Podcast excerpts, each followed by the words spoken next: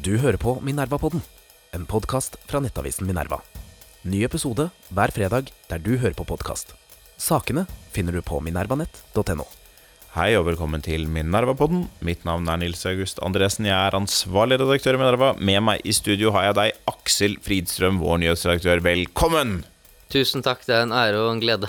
Ja, og kanskje for aller siste gang, Aksel. Dette kan være den aller, aller siste episoden av Minerva-podden. Hvis Vladimir Putin følger opp sin trussel om å utslette verden i en atomapokalypse.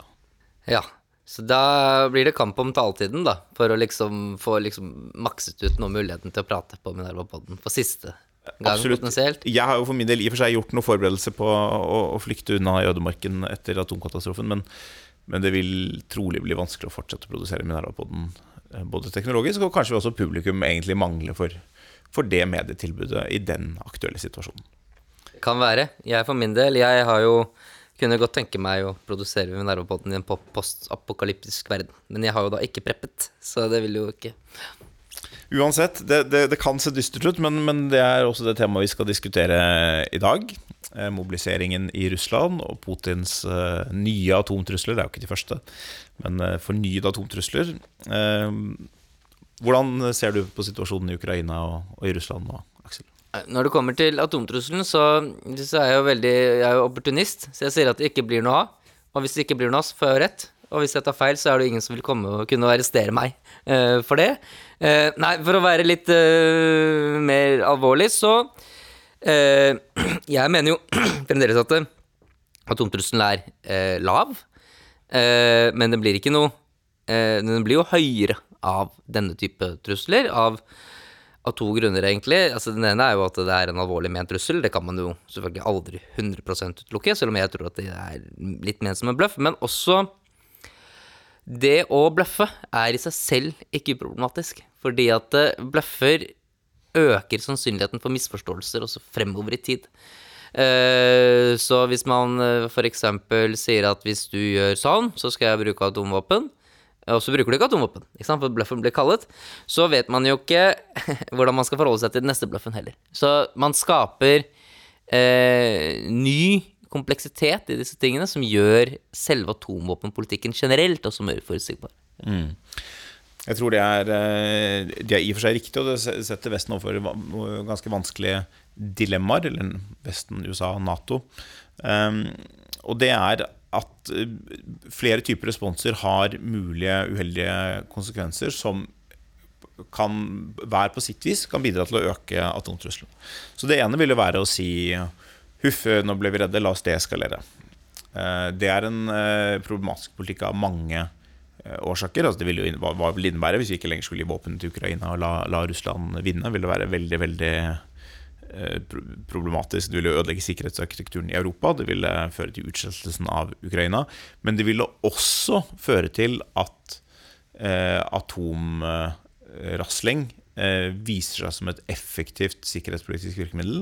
Og det i seg selv vil være svært farlig. Altså det, en, eh, det vil være en, en si, et eksempel da, som flere land kan følge etter, og som Russland vil kunne bruke igjen. Eh, Og Det er jo mange konflikter i Russlands randsoner, og nye kan oppstå. Så det er ingen ønsket situasjon. Men i tillegg har vi eh, land som Pakistan eh, og India, hvor det er stadig konflikter. Vi har selvfølgelig situasjonen rundt Taiwan. og vi har situasjonen med Nord-Korea. Ja, og det er ikke så vanskelig å forestille seg hvis man gir etter for denne type trusler fra Russland, så at det neste kravet da f.eks. blir en, en landkorridor gjennom Litauen til eh, Kaliningrad, eksempel. Det er ikke noe vanskelig å se for seg hvis man først har fått uh, viljen sin én gang, med den type virkemiddel. Mm. Og det er en type virkemiddel som da, hvis folk gir etterfor kravet, så enkelt, heller ikke har eh, så veldig store omkostninger. Det er en direkte trussel om helt uproporsjonal maktbruk. Så er det ganske problematisk. Og så er det, hva er de andre alternativene man da gjør? Det vil Et annet alternativ vil jo være at man selv eskalerte. Det ville kunne ha kunne drive frem atomtrussel også. Det mest nærliggende, sånn som jeg ser det, det er eh, en dobbel eh, dobbel tilnærming eh, som baserer seg på den, på den ene siden på at vi, vi sier vi, vi forutsetter at dere ikke gjør dette her. Vi fortsetter som før. Altså verken noen eskalering eller deeskalering sammenlignet med det Nato har gjort til nå. Dvs. Si å, å gi våpen slik at Ukraina kan forsvare seg selv. Um, og samtidig signalisere at atomvåpenbruk vil ha uh, veldig dramatiske konsekvenser. Vi ser noen tegn til at det siste har skjedd, ikke fra offisielt amerikansk hold. Der er man forsiktig med å love en spesifikk respons. Uh, også fordi, litt som du sier med Hvis man lover en respons, så har man et problem hvis man ikke følger opp. Leverer den, ja. Men det har kommet litt via kall det mellommenn. For eksempel så har den tidligere sjefen for amerikanske styrker i Europa, general Ben Hodges, har uh, sagt at hvis vi ser et taktisk atomsprengning i Ukraina, så vil eh, USA respondere med å senke Svartehavsflåten. Eh, det, luftet, det, har vært luftet også en gang tidligere i sommer eh, av andre, så det er åpenbart noe som amerikanerne kommuniserer på en eller annen måte. Jeg vet ikke i hvor stor grad dette er, eh, er offisiell policy, men det har i hvert fall vært kommunisert uh, ulike steder ulike ganger. Uh, så det er en type, en type, måte å forholde seg til på det. Å si at hvis vi ser en eskalering i Ukraina, så vil vi respondere med å øke vår innsats, enten ved å senke Svartehavsflåten eller ved å introdusere Nato-flyvåpen eller andre, eh, andre, ting. Richard Haas, som er en fremstående diplomat som er nær rådgiver for, for Colin Powell, eh, og som, som har tjenestegjort under flere administrasjoner, han var også uttrykte vel omtrent noe sånn denne uken, at dersom vi ser et atomangrep mot Ukraina, så vil Nato respondere med å sette inn flyvåpen. Ja, Og i realiteten da bli med i krigen, da. I realiteten, det er, egentlig, det, det, det er viktigere enn hvilket mål du slår ut. Ikke sant. I realiteten bli, med, bli part i krigen. Men kanskje uten bakketropper. Uh, men det hører jo med her. Altså det, er, det, er, flere elementer her. Det er at uh, de fleste vestlige responsene ser for seg at det er et, uh, et atomangrep mot Ukraina. Ja, og da formodentlig med et taktisk atomvåpen. Og det er også det som er i og for seg mest nærliggende. Mens hvis du følger russiske TV-sendinger eh, med propagandister som eh, Vladimir Salavjov og Margarita Semonian og en del av de andre som etter hvert er blitt beryktet eh, i Vesten, så, så, så, vil de jo prøve å spille opp en trussel mot Europa. Altså Det er åpenbart at det er rettet mot å forsøke å skremme europeiske befolkninger. Man snakker om slag mot London spesielt. Det er et, det er et særskilt hat mot, mot Storbritannia i, i den russiske eliten. Uh, men London og Berlin og andre steder så langt, så langt ingen det er, som ikke så, det er ikke så nytt, det har vi egentlig prata om i et år. Det er bare hvor, hvor ofte det kommer. Absolutt. Ja. Så, så nå det, men nå er det daglig. Men det er også en sånn, et sinne over at uh, Putins tale ble, ble forstått dit hen at han truet med atomvåpen mot Ukraina. Og de vil presisere at nei da, vi, vi, truer, vi truer faktisk Vesten. Og da vil man jo nærme seg en situasjon der Natos respons vil være atomangrep mot Ukraina mot Russland, eller i hvert fall, i hvert fall konvensjonelle angrep mot Russland. Men det er jo ikke så lett å Jeg leste jo denne talen til eh, Putin, og jeg så Jeg leser jo ikke russisk, jeg leser russisk på den måten at jeg bruker Google, Google Translate. Men det er jo Det er litt det er ikke helt lett å bli klok på akkurat hva, mens han har lagt inn en form for tvetydighet, ja, ja, han også, ikke sant? Så han sier jo den ene dagen at nå blir det folkeavstemning, så en del områder i Ukraina skal uh, innlemmes i Russland. Og så kommer det litt om atomvåpen, og at Russland blir truet med atomvåpen, og Russland vil slå tilbake med atomvåpen. Og den, altså, så det er jo åpenbart at han spiller opp dette eh, atomvåpengreiet, men, men han knytter det ikke egentlig til noe helt bestemt. Nei. Han bare mm. sier at uh, her er atomvåpenet, og Uh, og, og, det er jo litt nettopp at denne trusselen ikke skal, uh, ikke skal være av typen bordet fanger. Og at det skal være strategisk uklart. Og, og, det er også sånn at denne talen er rettet både mot et internt publikum og mot et eksternt publikum. Så det kommuniseres litt ulike ting, avhengig av hvem man snakker med. Og så er det klart at Du var inne på det her, men det må også da ses i sammenheng med disse såkalte folkeavstemningene, som innebærer at Russland vil forsøke å annektere vil, De vil annektere, hevde at de har annektert flere områder da av Ukraina, i Donbas, men også i da Melitopol og, og Kherson. Og det vil jo da innebære at denne det Putin om atomvåpen, i prinsippet også kunne tenkes å gjelde, alt det tror jeg er litt uklart, mot angrep mot disse områdene. Det må undersøkes at dette er en helt ny applisering av russisk atomdoktrine, eller noe som helst lands doktrine. Det har aldri vært noe sånn at hvis ditt land overhodet blir angrepet, så vil man eh, svare med første slag av atomvåpen? Det har jo vært helt tabu i internasjonal atompolitikk helt siden starten. Eh, det har utelukkende vært snakk om en eksistensiell trussel. Og det Russland i har forsøkt å gjøre, som, eh, som er veldig interessant, er at de, de hele tiden prøver å spille opp på hjemmebane at landet er eksistensielt truet Ja, av ja. denne begrensede krigen i Ukraina, og, og av eventuelt da ikke å få lov til å annektere disse områdene Ja, Ukraina. Ja, og hvorvidt de områdene da er en del av Russlands eksistens. Ikke sant, Og ja. det er jo eh, eh, Dette har jo også Jeg leste jo dette for lenge siden, da, men jeg leste den artikkelen på Institute for War Studies i USA. sant? Da snakker man jo allerede da om at dette er Putins uakseptable off-ramp fra krigen, er å si at uh, disse områdene er en del av Russland, de er en del av atomvåpenparaplyen til Russland, og at de vil bli forsvart med atomvåpen. Uh, Så sier ikke Russ Putin akkurat at det skal skje, men han liksom sier det i, i, i samme vending. På en måte som man kan velge å tolke det som om det er, nå er laget et sånt ultimatum, men hvor det også går an å backe ned. da. Sånn leser jeg hans tale. Ja, det er jo litt sånn. Og det, det man ser eh, på den politiske psykologien i, Russland, både hos Putin, men kanskje enda mer i, eh, i deler av eliten som har vært holdt oppe av dette systemet, er at det er et system som er vant til at trusler virker. Og det at de nå ikke virker ordentlig mot Vesten, eh, og spesielt etter denne eh, ukrainske offensiven rundt Kharkov og østover derfra, eh, det er at, de er, at det er en, et voldsomt sinne over at denne trusselstrategien, utpressingsstrategien, ikke fungerer.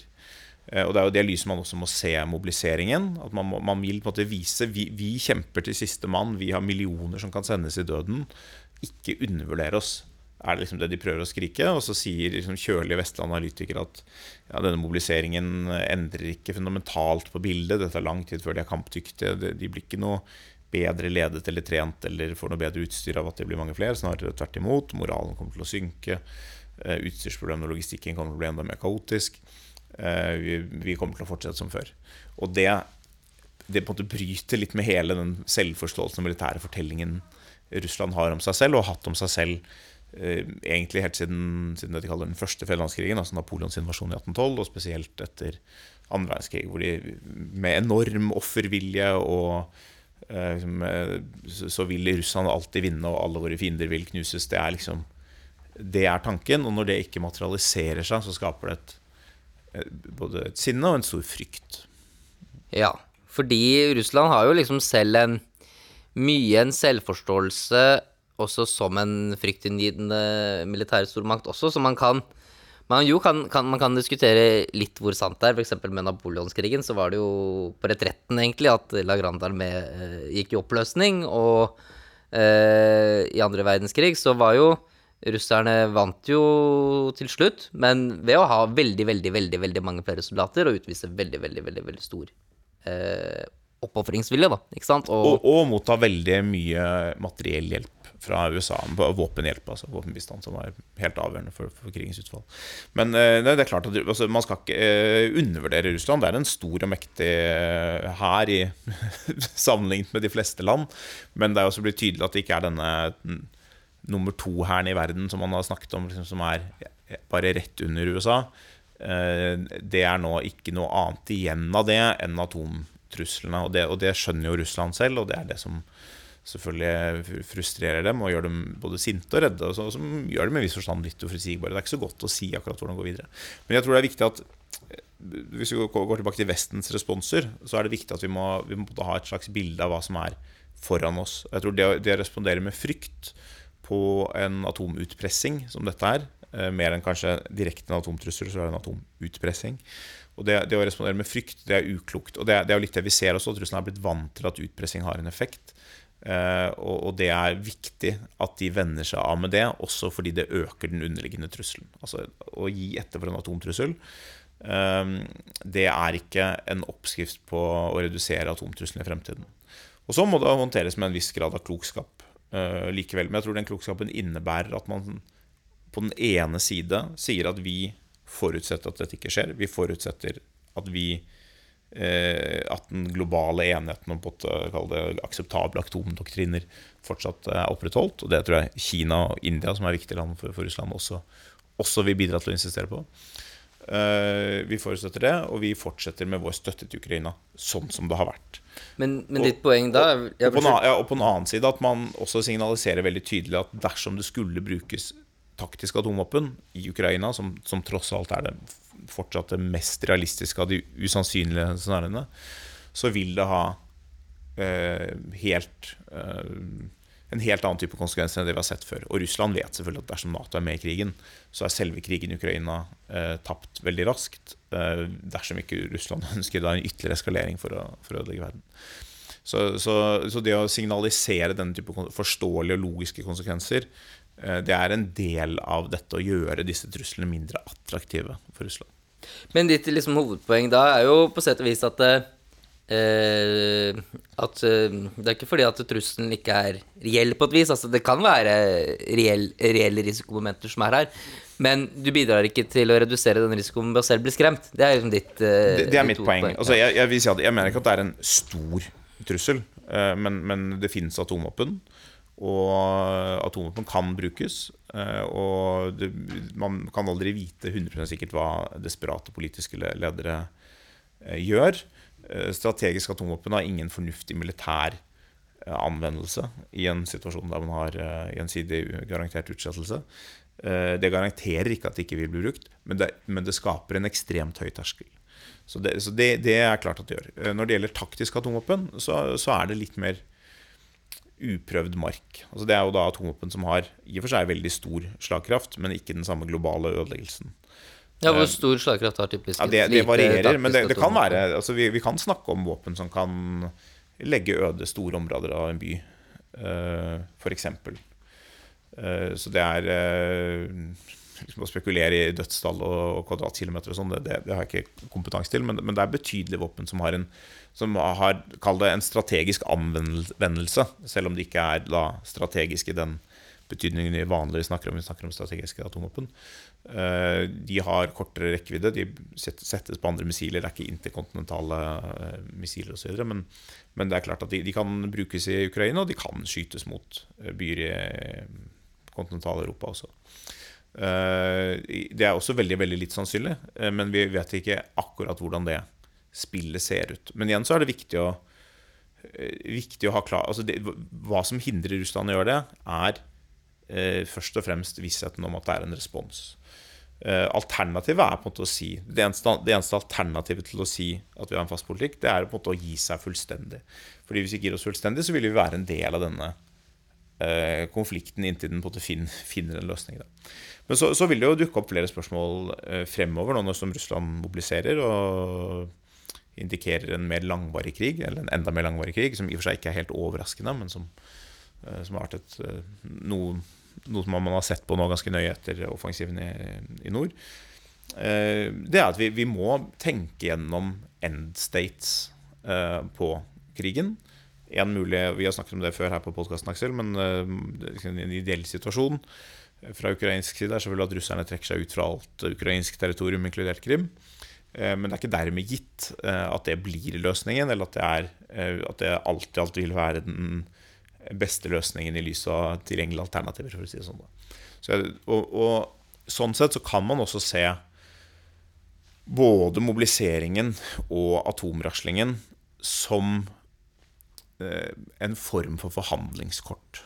Ja, for her er det jo litt interessante, fordi at du kunne jo sett for deg, ikke sant, at Ukraina på et vis vinner litt. Eller de er jo i ferd med å vinne, kan du all allerede si. Og så til slutt, så på et eller annet tidspunkt, så må jo Russland eh, gi seg. Og da er det jo et naturlig tidspunkt, måte for dem å gi seg på, er at hvis ikke krigen liksom avsluttes nå, så bruker vi eh, atomvåpen for å forsvare Russland. Og hvis Russland da har en samme forståelsen av hvor Russland starter og slutter som andre, så blir krigen potensielt ferdig. Altså, da man, uh, klarer man å bli enige om det. At her er det ingen som har noe å tjene på dette fortsetter. Uh, og uh, det er jo nettopp derfor det både er si, både litt, litt rart og litt synd at russerne nettopp bruker atomvåpen. For de kan i teorien bruke atomvåpnene sine på en måte som er deeskalerende. Eh, men de ser nå ut til å ville bruke den på en måte som egentlig er eskalerende. Og det som er avgjørende for å komme frem til en potensielt eh, si forhandlet avslutning på krigen, da, eller en eller annen form for våpenhvile eller krigsavslutning som, som partene er enige om, det er jo at, at det er en felles forståelse av hvor, hvor, Russland slutter, eller i hvert fall hvor våpenhvilegrensen går. Og eh, det Russland gjør nå med folkeavstemning i Kherson, eh, det, jo, det svekker på en måte den Da er det veldig vanskelig å komme for, til en felles Det er veldig vanskelig for både Ukraina og for Europa og USA å akseptere den grensen, spesielt eh, under pågående, en pågående ukrainsk eh, motoffensiv i Kherson. Langsom, men, men likevel pågående. Eh, så det er krevende. Men det, det kan jo likevel være gjenstand for forhandlinger. Det, det som gjør, gjør, det vanskelig å bedømme, det er at eh, offentligheten vil alltid ha veldig lite kunnskap om forhandlinger før de eventuelt har ført til noen resultater. Men et eksempel på at det er kontakt mellom partene, så vi jo denne uken ved, at, uh, ved, ved en fangeutvekslingsavtale der eh, Ukraina utleverte eh, bl.a. Medvedtsjuk, en, en Putin-alliert eh, forræder, Quisling, må man kunne si, eh, som har betydelig status, eh, og en del andre krigsfanger, mens Russland utleverte 215 til fangetagende soldater, i hovedsak fra Azovstal, inkludert disse ikoniske og spesielt Ukraina selvfølgelig, ikoniske forsvarerne som sendte de siste videohilsene fra Eh, stålverket i, i, i Mariupol. De er nå riktignok i Tyrkia og skal under en avtale med Erdogan og skal være der til krigen er slutt. Men det er, en, det er, det er noe jeg ikke trodde at vi skulle se. Fordi disse, disse soldatene er så symboltunge at man skulle tro at Russland ikke ville gi Ukraina på den moralboosten og propagandaseieren. Og det at de har gjort det, indikerer jo, indikerer jo i en viss forstand at det, er, eh, det finnes noen forhandlinger, og at, Russland, at, det er noen i det russiske apparatet som, som, da har den fleksibiliteten til å gjøre noe sånn. Og samtidig, fordi dette er så, på et såpass høyt nivå og såpass symboltungt, så må man jo tro at det har forankring hele, hele veien opp. Men det er jo veldig vanskelig å bli klok på det. For jeg synes jo denne fangeutvekslingen det gir jo liksom grobunn for litt optimisme. Da, at det er mulig å liksom komme til noen fremforhandlede løsninger på et, på et eller annet. Men når eh, russerne eh, samtidig ser ut til å ikke bare mobilisere litt, men mobilisere veldig Altså Du ser jo disse bildene fra Russland med fulle busser med unge menn som drar, og koner som gråter langs veien. Altså De russerne tar jo Altså Ville de liksom Ville de påført seg selv denne politiske smerten, ikke sant? å gjøre det gjennom hele Russland hvis ikke de egentlig liksom ville krige veldig lenge. Altså, det, er det, er vanskelig å bli klok på. Ja, nei, det absolutt. Det er, det, er jo, det er, jo, den diskusjonen som gikk om Vi har jo diskutert dette med mobilisering egentlig helt siden, uh, siden første fasen av invasjonen eh, ikke gikk Russlands vei. Så det vil si omtrent fra, fra, mai. Det var en stor diskusjon før Putins tale på seiersdagen, som det heter, da, 9. mai. Eh, om det skulle bli annonsert mobilisering. Og Da trodde de fleste eksperter, og, og fikk rett, at det kom det ikke til å bli fordi den politiske kostnaden er for høy. Og Så ser man på denne gradvise omdanningen av det russiske samfunnet til et form for kvasimobilisert samfunn allikevel, hvor alt handler om krigen, eh, og noen annen fremtid for landet fins på en måte ikke. og det Man har brukt krigen til å omdanne samfunnet i totalitær, autoritær og totalitær eh, retning. Og Sånn sett så er kanskje kostnaden mindre nå enn den var for et halvt år siden. Befolkningen har kanskje ventet at det kom. Det er blitt flere som krever at krigen må vinnes eller avsluttes. Så hvis dette nå brukes til at man kommer frem til en rask slutt, så vil man jo kunne si vi mobiliserte og vant. Vil, altså Uansett hva som blir resultatet, vil Russland Ja, når resten av verden fikk se hvor ja. mange ja. Så, så det, det, er mulig å tenke seg sånne ting. Men jeg er ellers i og for seg enig med deg at uh, bildet er litt forvirrende og sprikende. Uh, og det er et stort problem med hvordan vi uh, interagerer med den type regimer. At de er autoritære regimer av denne typen er personsentrerte, og det er vanskelig å få grep om av og til resonnementene og motivasjonene eh, som ligger der. Og det er, det er, det som skapte grunnlag for hele vitenskapen kremlinologi. Og den er, den er fortsatt en, en, relevant vitenskap. Ja, jeg tør i hvert fall ikke å spå noen ting, med unntak av mitt opportunistiske atomvåpenspådom. Ja. Vi, vi, håper at Minerva-podden kan komme igjen eh, ved senere anledninger, men inntil da, ha det godt. Ha det godt.